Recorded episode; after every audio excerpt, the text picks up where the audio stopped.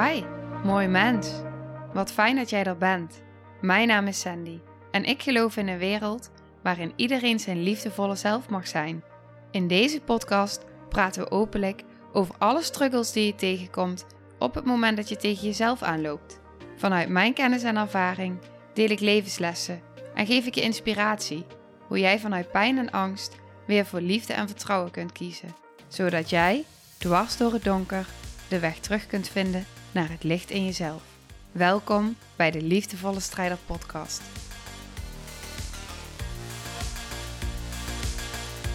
Hey, hallo. Dag lieve jij. Daar ben ik weer. en wat fijn dat jij er ook bent. Wat fijn dat je luistert. Wat fijn dat je kijkt. Ik heb hele mooie reacties al mogen ontvangen op het feit dat ik nu ook video zichtbaar ben. En wat dat uh, teweeg brengt. En dat dat echt wel voor uh, meerdere mensen een uh, aanvulling is. Ook omdat je dus, ik kreeg van één iemand ook heel mooi terug van, je ziet ook jouw non-verbale communicatie. En dat doet natuurlijk zoveel meer ook dan alleen de woorden horen of voelen. Maar ook, nou ja, de energie daarachter, die voel je natuurlijk wel. Maar op het moment dat je ook mijn non-verbale communicatie doet, dat nog zoveel meer. Want ja, het lichaam spreekt gewoon. En dat is ook echt zo. Dat zie ik ook als ik overigens nu naar mezelf kijk. Dat doet ook iets met mij. En mijn innerlijke wereld. Dat is ook waar we het in deze aflevering over gaan hebben. En ik merk dat het ook veel doet in mijn innerlijke wereld om het daarover te hebben. Uh, maar het is zo waardevol, omdat ik heb het er vaak over. Ik spreek vaak over je innerlijke wereld, over de delen van binnen, of je innerlijke kindsdelen. Het is eigenlijk je innerlijke familie, dat benoem ik ook wel eens. Maar hoe zit dat nu echt? En ik, heb een, uh, ik ben een boek aan het lezen. Het boek heet Alle delen welkom. En het is zo mooi uitgelegd. Ik heb hier twee pagina's wat echt zo waardevol uitgelegd is. Waarbij ik voelde van ja, dit wil ik met je delen en je meenemen ook uh, in wat ik deel. Ook hoe ik dat zie en hoe ik dat beleef. Zodat je hem ook makkelijker misschien nog kan vertalen ook naar jezelf. Dus ik ga jou daar helemaal in meenemen. Ik had het in de vorige aflevering, had ik het al over de ander willen veranderen. Gaat over iets in jezelf veranderen. En dit is ook zo mooi wat deze meneer schrijft. Hij heet Richard C. Schwartz. En hij, hij, noemt, hij heeft het model, het Internal Family System model. En deze meneer is dus, uh, het staat hier ook, um, is jarenlang uh, gezinstherapeut geweest. En hij zei ook van, eigenlijk, terwijl ik gezinstherapeut was, besteedde ik vrij weinig aandacht aan de psyche, dus aan je innerlijke wereld. Um, wat ons betrof, en daar benoemt hij dus al die therapeuten dan, meeneem ik aan, was de tijdsverspilling om te vroeten in de innerlijke wereld. Want alles was bij te stellen door externe relaties te veranderen. Nou, dat is echt exact het tegenovergestelde van wat ik vorige, vorige week in de podcast van vorige aflevering gisteren deelde. Um, dat het gaat over je innerlijke wereld. Hij zegt ook, het enige probleem was dat die benadering niet werkte. Want toen ik de resultaten bestudeerde van behandelde cliënten met bulimia, ontdekte ik tot mijn schrik dat ze bleven overeten en braken. Nou, dan gaat hij erop in en dan ga ik je meenemen. Um, en het is ook wel mooi, want hij heeft het voorbeeld over bulimia. En ik wil ook een voorbeeld met je delen van mij. En ik denk dat het fijn is om aan de hand van dat voorbeeld ook mee te nemen. Ik wil er wel iets over delen voordat ik daar uh, die als voorbeeld pak. Ik wil daar wat achtergrondinformatie over delen, zodat het voor mijn innerlijke familie oké is om hierover te delen. Ik heb um, jarenlang uh, geleden onder een eetstoornis. En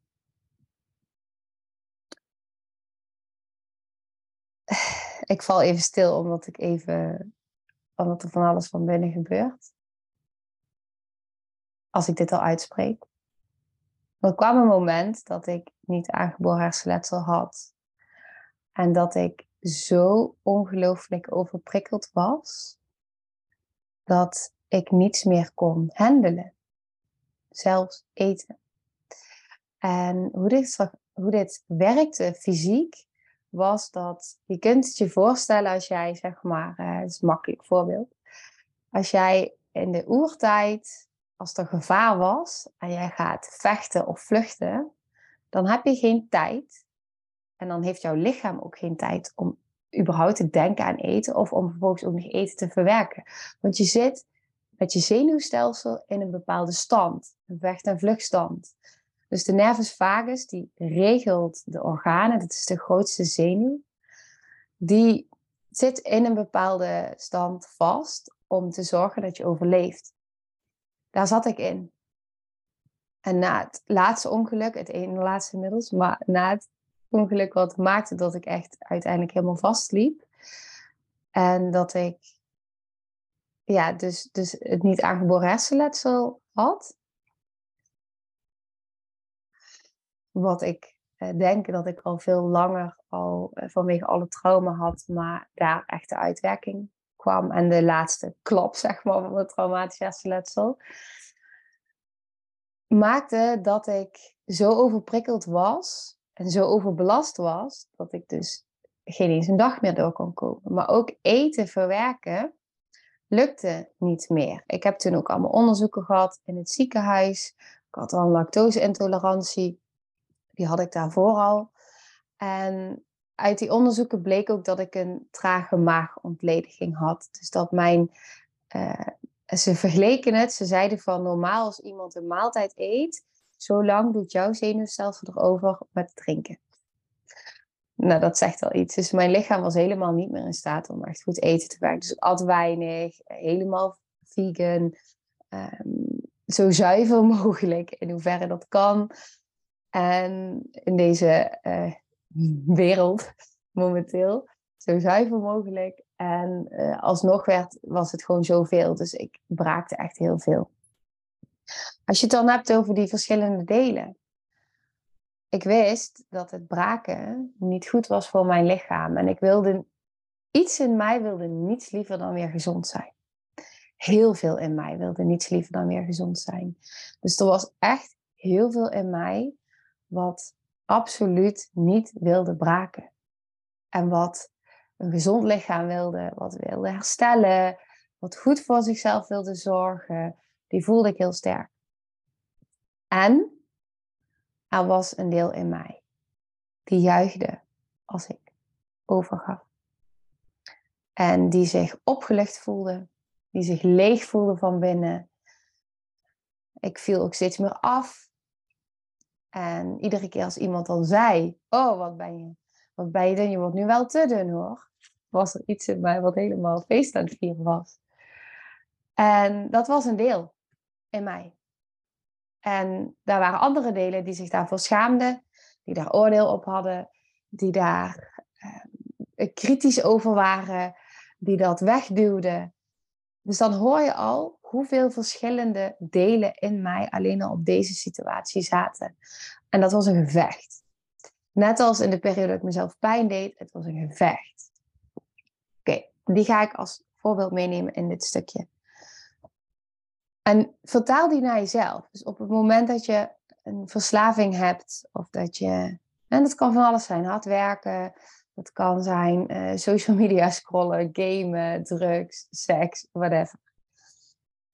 Oké.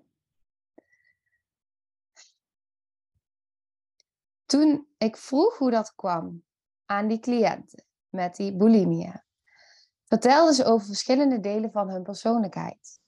Ze praten over die delen alsof ze autonoom waren. Alsof ze het heft in handen konden nemen en ervoor zorgden dat ze dingen deden die ze helemaal niet wilden. Ik knik nu omdat ik dat ook zo heb ervaren. In de periode dat ik mezelf best wel veel pijn deed. En eh, bij de GGZ de focus erop werd gelegd van oké, we gaan uh, er alles aan doen dat je dat gedrag niet meer vertoont. Dus ik kreeg allemaal tips mee. Tegen een boom schoppen, je handen onder de koude kraan doen. En ik zie mezelf nog staan met mijn armen onder die koude kraan, helemaal shakend van die drang en dat gevecht van binnen, van die enorme drang. Ik moet nu iets doen. Voel je de wanhoop of hoor je de wanhoop? Ik voel meteen de wanhoop daar ook in. Ik moet nu iets doen, want ik weet het niet meer. En die gaat zo over de wanhoop van binnen. En het maakt niet uit welke hulpbron er dan ook is op dat moment. Hoe destructief die dan ook is. Ik hoop ook dat als je dit luistert als naaste, eventueel van een verslaafde. Nou, ik zeg al een verslaafde, dan leg ik er een lading op. Maar iemand die lijdt onder verslavingsgedrag. Ehm, ook naar aanleiding van de aflevering van gisteren denk ik dat dit echt een hele mooie verdieping is. Want het is, het is een, op dat moment is het een hulpbron. Mijn gedachte, het deel in mij wat dacht ik kan uit het leven stappen, was een makkelijkere weg dan dit doen. Dan het leven en alles aangaan wat er van binnen gebeurde. Dus eruit stappen was een makkelijkere weg voor iets in mij. ik zeg niet voor alles. Um, want hij gaat over wanhoop. Oké, dus er was heel veel wanhoop van binnen. Um, wat maakte dat er dus andere delen waren die dus overnamen. En dus dingen ging doen die je eigenlijk helemaal niet wil. In het begin was ik bang dat ik te maken had. Dat, ik ga even voorlezen de vertaling. In het begin was ik bang dat ik te maken had met een uitbraak van meervoudige persoonlijkheidsstoornissen. Maar toen ik binnen in mijzelf begon te luisteren, ontdekte ik tot mijn schrik dat ik zelf ook delen bleek te hebben. Sterker nog, een paar van mijn delen waren behoorlijk extreem. Daardoor werd ik nieuwsgierig. Ik vroeg cliënten om hun delen te beschrijven en dan bleken ze tot in detail te kunnen. En dat niet alleen. Ze vertelde ook hoe deze delen interacties en relaties met elkaar hebben. Ik wil dat je hem nu even vertaalt naar innerlijke kindsdelen. Stel je voor dat het allemaal in kinderen zijn, in jezelf. Sommigen maakten ruzie. Anderen sloten bondgenootschappen. En sommigen beschermden andere delen. Zie je het voor je? Dit is hoe ik het zie ook met trauma. Er zijn zo'n jonge delen die vastzitten in die pijn, die vastzitten in die tijd nog. In bevriezing, in vecht, in vlucht. En die gaan alles doen op dat moment om jou te helpen. En is dat ruzie maken? Is dat bondgenootschappen sluiten? Of is dat, kom er even niet op, beschermen? De beschermdelen. Vaak zie je dat ze dan ook zo jong zijn. Laatst in mijn sessie ook toen kwam ik op een heel diep stuk en daar was ik heel jong. En toen was de vraag van, uh, kun je verbinding maken met een volwassen deel? En het enige wat ik op dat moment voelde was, ja, maar waar zijn ze dan? Na verloop van tijd drong het op me door dat ik een soort innerlijk systeem aan doorgronden was dat leek op externe families waarmee ik werkte. Vandaar de naam Internal Family Systems. Cliënten hadden bijvoorbeeld over een innerlijke criticus die hen genadeloos aanviel zodra ze een fout maakten. Gebeurde bij mij ook. Ik weet niet of jij je erin herkent, maar ik herken me er ongelooflijk in. Die aanval triggerde vervolgens een deel dat zich diep bedroefd, eenzaam, leeg en waardeloos voelde. Het was zo akelig. En nou krijg ik echt kippenvel. Om dat waardeloze deel te ervaren, dat een eetbui bijna de redder in nood was. Om cliënten uit hun lichaam te halen en te veranderen in een gevoelloze eetmachine. En niet alleen eten, maar dit is elke verslaving. Om, het om je uit je lichaam te halen en te veranderen in een gevoelloze drugs, eet, werk, seks, whatever, machine. En vervolgens viel de criticus hen aan vanwege de eetbui, wat opnieuw het gevoel van waardeloosheid triggerde. In deze vreselijke cirkel bleef ze dagenlang gevangen. En hij zegt dagenlang. En ik voel alleen maar jarenlang. Dit is mooi wat hij nu zegt, want dit is ook wat ik deelde over de GGZ.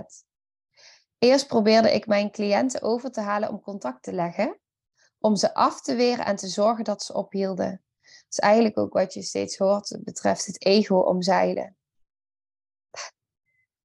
Zorg maar dat het stemmetje ophoudt, die criticus, dat de angst weg is.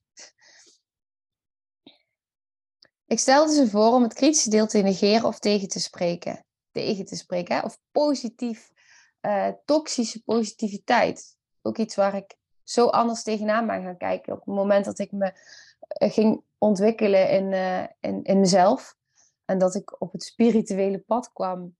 En veel ging horen over het ego. Veel ging horen over positiviteit.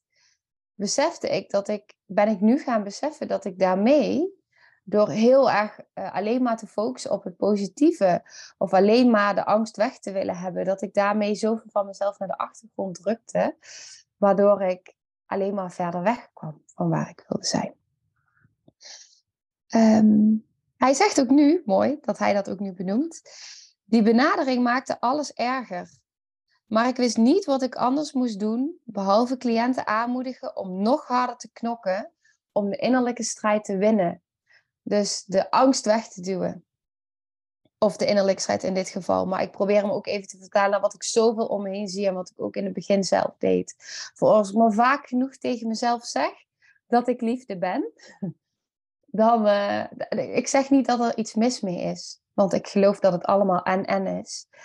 Uh, want je bent ook liefde en ik ben ook liefde.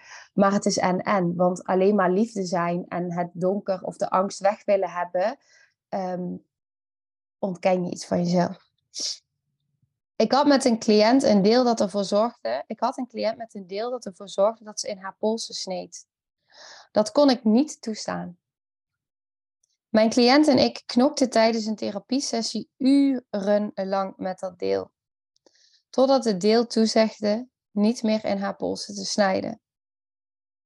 Na afloop was ik uitgeput, maar tevreden dat we de strijd gewonnen hadden.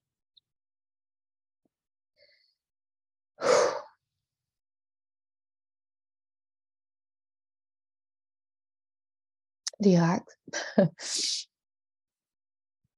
Keer erna kwam mijn cliënt opdagen met een enorme snee in haar gezicht. Op dat moment stortte ik in. Ook interessant. En zei spontaan: Ik geef het op, ik kan je niet verslaan. Waarna het deel tot een ander standpunt kwam, innam en zei: Ik wil jou ook helemaal niet verslaan. Dat was een keerpunt in de geschiedenis van dit therapeutisch werk. Want ik stapte uit mijn sturende houding. Ik deelde het laatst ook, de oplossingsgerichte houding. Die ik leerde tijdens SPH. En koos voor een andere benadering. Ik stelde de vraag: waarom doe je haar dit aan? Het deel vertelde dat het nodig was geweest om mijn cliënt uit haar lichaam te halen terwijl ze mishandeld werd.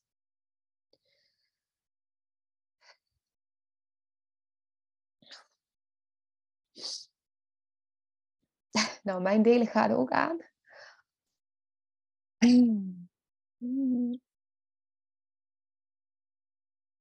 En om de woede te bedwingen,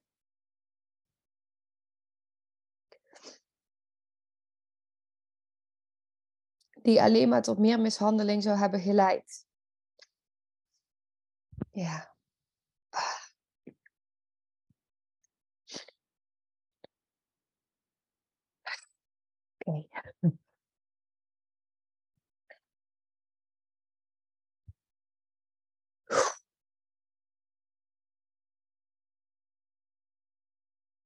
Ik ga even door met lezen.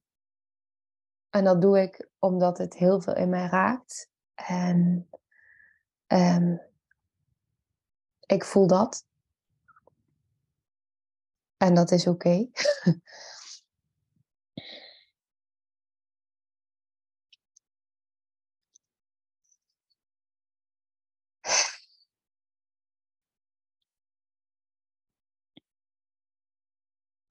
Het is ook mooi, want het uitspreken,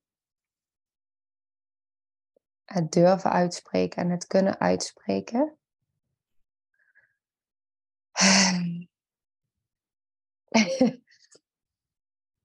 dat uh, brengt heling.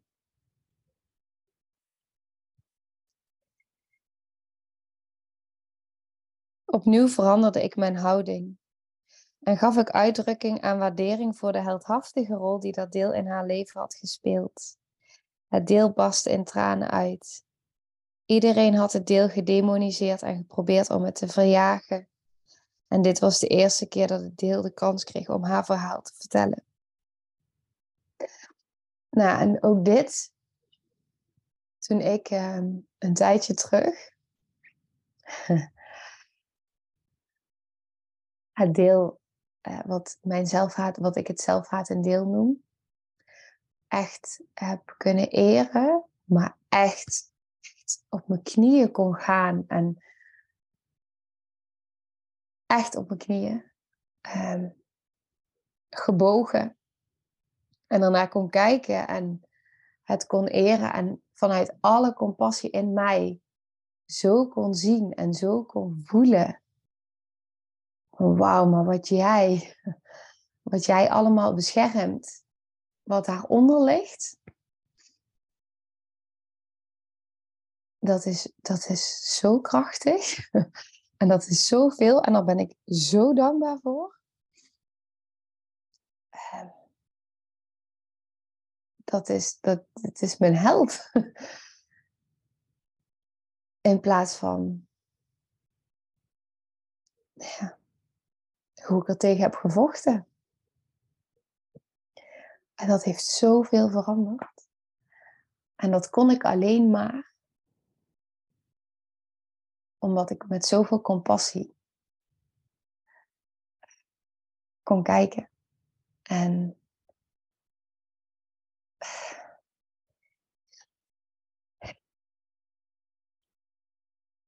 dit is, dit is exact exact waarom ik dit werk doe. Wat ik doe. Dit is exact waarom ik op het moment dat iemand bij mij komt, alleen maar werk. En het maakt niet uit of dat één op één is of in een groep. Ook in het retreat straks in Spanje, in het begin. Ik ga alleen werken met de beschermdelen met deze delen. Samenwerken met deze delen. Eren, erkennen, ze uitnodigen. En ja.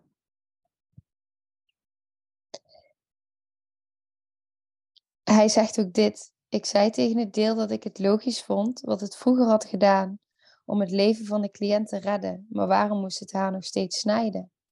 Het vertelde dat het andere zeer kwetsbare delen moest beschermen en nog altijd aanwezige woede beheersen. Terwijl het deel daarover praatte, werd me duidelijk dat het snijdende deel niet in het heden leefde. Het leek vast te zitten in vroegere situaties van mishandeling en geloofde dat mijn cliënt nog kind was en in groot gevaar verkeerde, ook al was dat niet het geval. En dat is eigenlijk met wat ik net deelde, dit is wat ik zo herkende. Want op het moment dat het deel voelde dat ik het deel kon eren, het zelfhatende deel, met zoveel compassie en volwassenheid, sindsdien geeft het deel mij zoveel ruimte om te kunnen helen en te kunnen voelen wat dat deel beschermt. Er is in de afgelopen periode zoveel heling plaatsgevonden, omdat ik het echt kon voelen. Dus niet vanuit mijn mind het zeggen, echt kon voelen en kon integreren. En dat, dat is, dat, dat, dat is, dat is echt alles. Het is thuiskomen, thuis zijn. Het is alles. Echt alles. En dat is waar ik wil zijn als mens, als therapeut. In alles wat ik doe en alles wie ik ben. Dat is de kern. Dit, echt exact dit exact. dit is zo, dit is zoveel. Dit is, uh, dit is het mooiste. Als je kan verbinden met je interne familie, je internal system. Het allermooiste. Echt, het gaat zo diep. Ehm, omdat, en dat voelde ik laatst ook weer, omdat ze al zo lang vastzitten in die terror. En zij zitten vast, die delen zitten vast. En die nemen het over. In het dagelijks leven. Ze nemen het over. Daarom werkt verslaving niet um, met. Ik, nou, ik zal niet zeggen dat het niet werkt, maar alles alleen met je mind weg willen um, mindsetten. ik heb het geprobeerd, echt jaren. Echt waar. Um, maar het is voelen. Als je kijkt naar de amygdala, ik heb het ook wel eens gedeeld in een aflevering. De amygdala, dat, dat, is, dat, zit in je brein. En dat is, ik, ik zeg altijd, die wie, wie, wie. Die, dus je alarmsysteem, die is op je gevoel, is die uh, het alarm gaan afgeven. Die gaat niet ineens omdat jij met je mind bedenkt, mijn mening, omdat je met je mind bedenkt dat jij uh, dat wil veranderen, gaat die niet ineens dat wat jarenlang op, op, op alarmcentrale staat en op overleving staat, gaat hij niet ineens denken, nou oké, jij vertelt nu vanuit een bepaald deel dat jij uh, hebt bedacht dat het anders is dan dat ik al jaren heb gevoeld. Je lichaam wil het voelen. Dat is het. Oké. Um. Oké.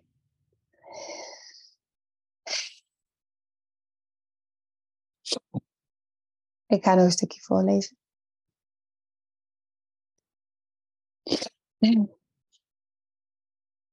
Het drong me tot me door dat deze delen misschien niet waren wat ze leken.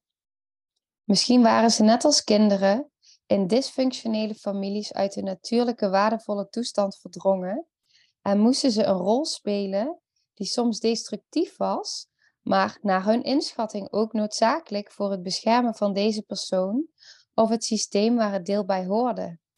Daarom probeerde ik mijn cliënten te helpen luisteren naar hun lastige delen in plaats van zich ertegen te verzetten. Ja. Oké. Ik ga daar een uh, volgende aflevering. Ik ga nog een stukje dadelijk delen in een volgende aflevering. Ik wil hem voor nu even hierbij laten.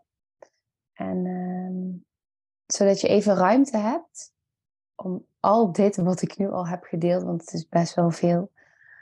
En ik kan me voorstellen dat, eh, dat het best wel raakt. En dat het best wel veel in beweging zet in je innerlijke systeem.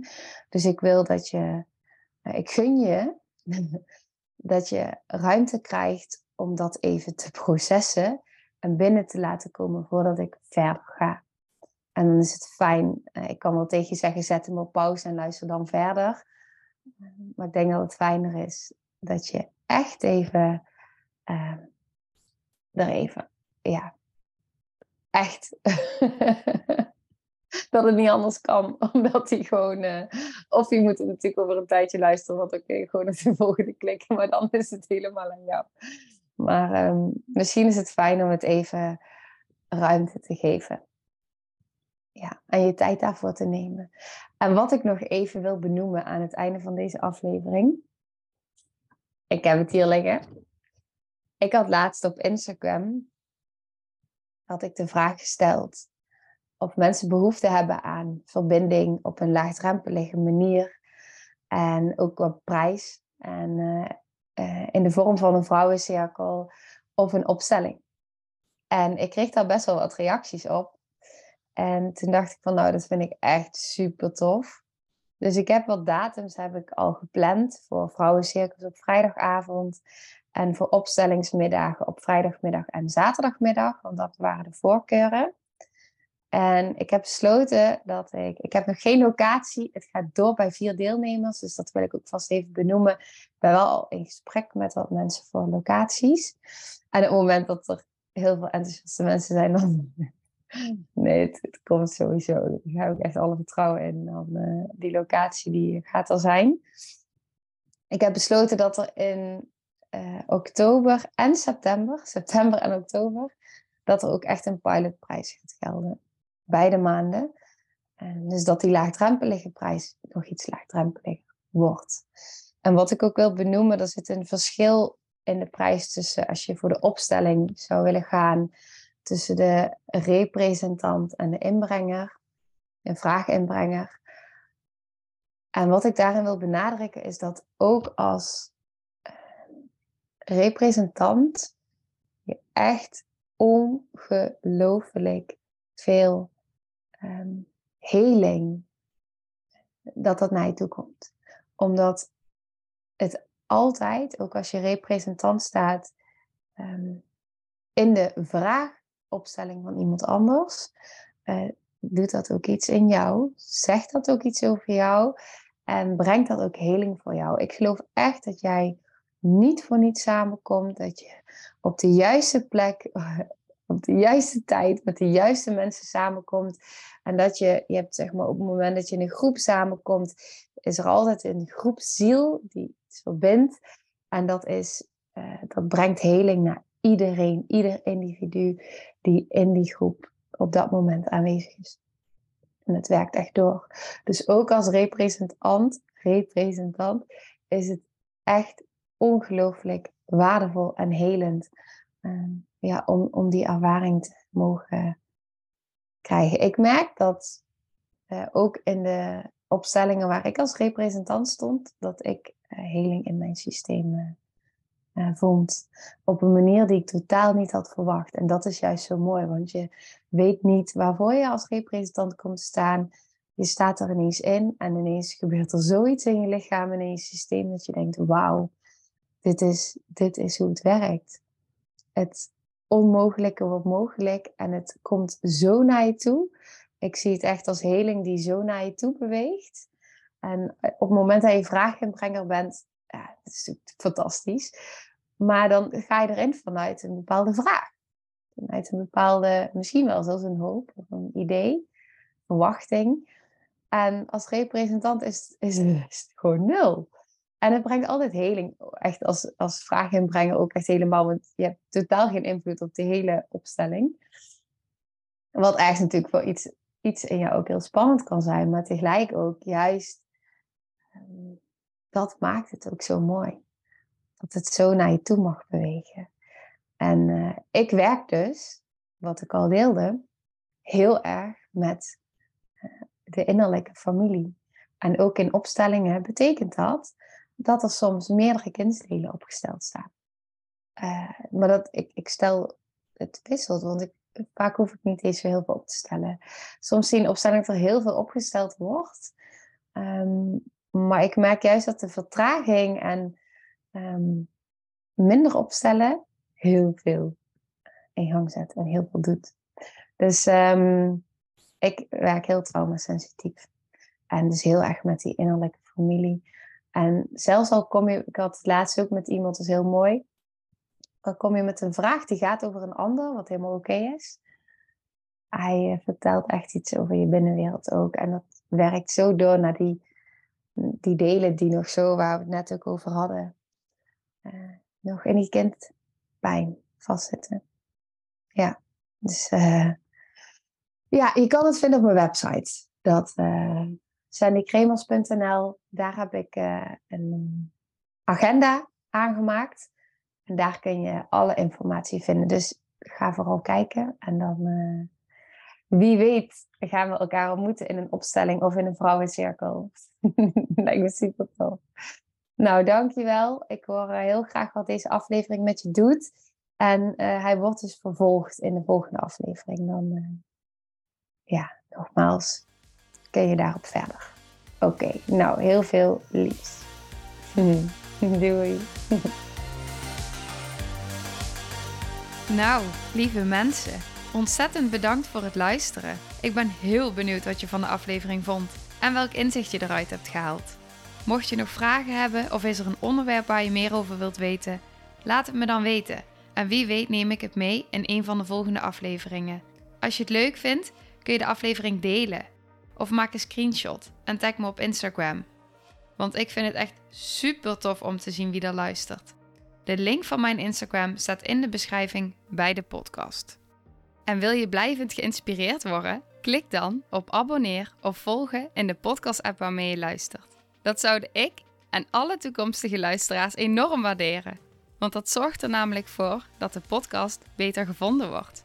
Nogmaals, dankjewel voor het luisteren en heel graag tot de volgende aflevering.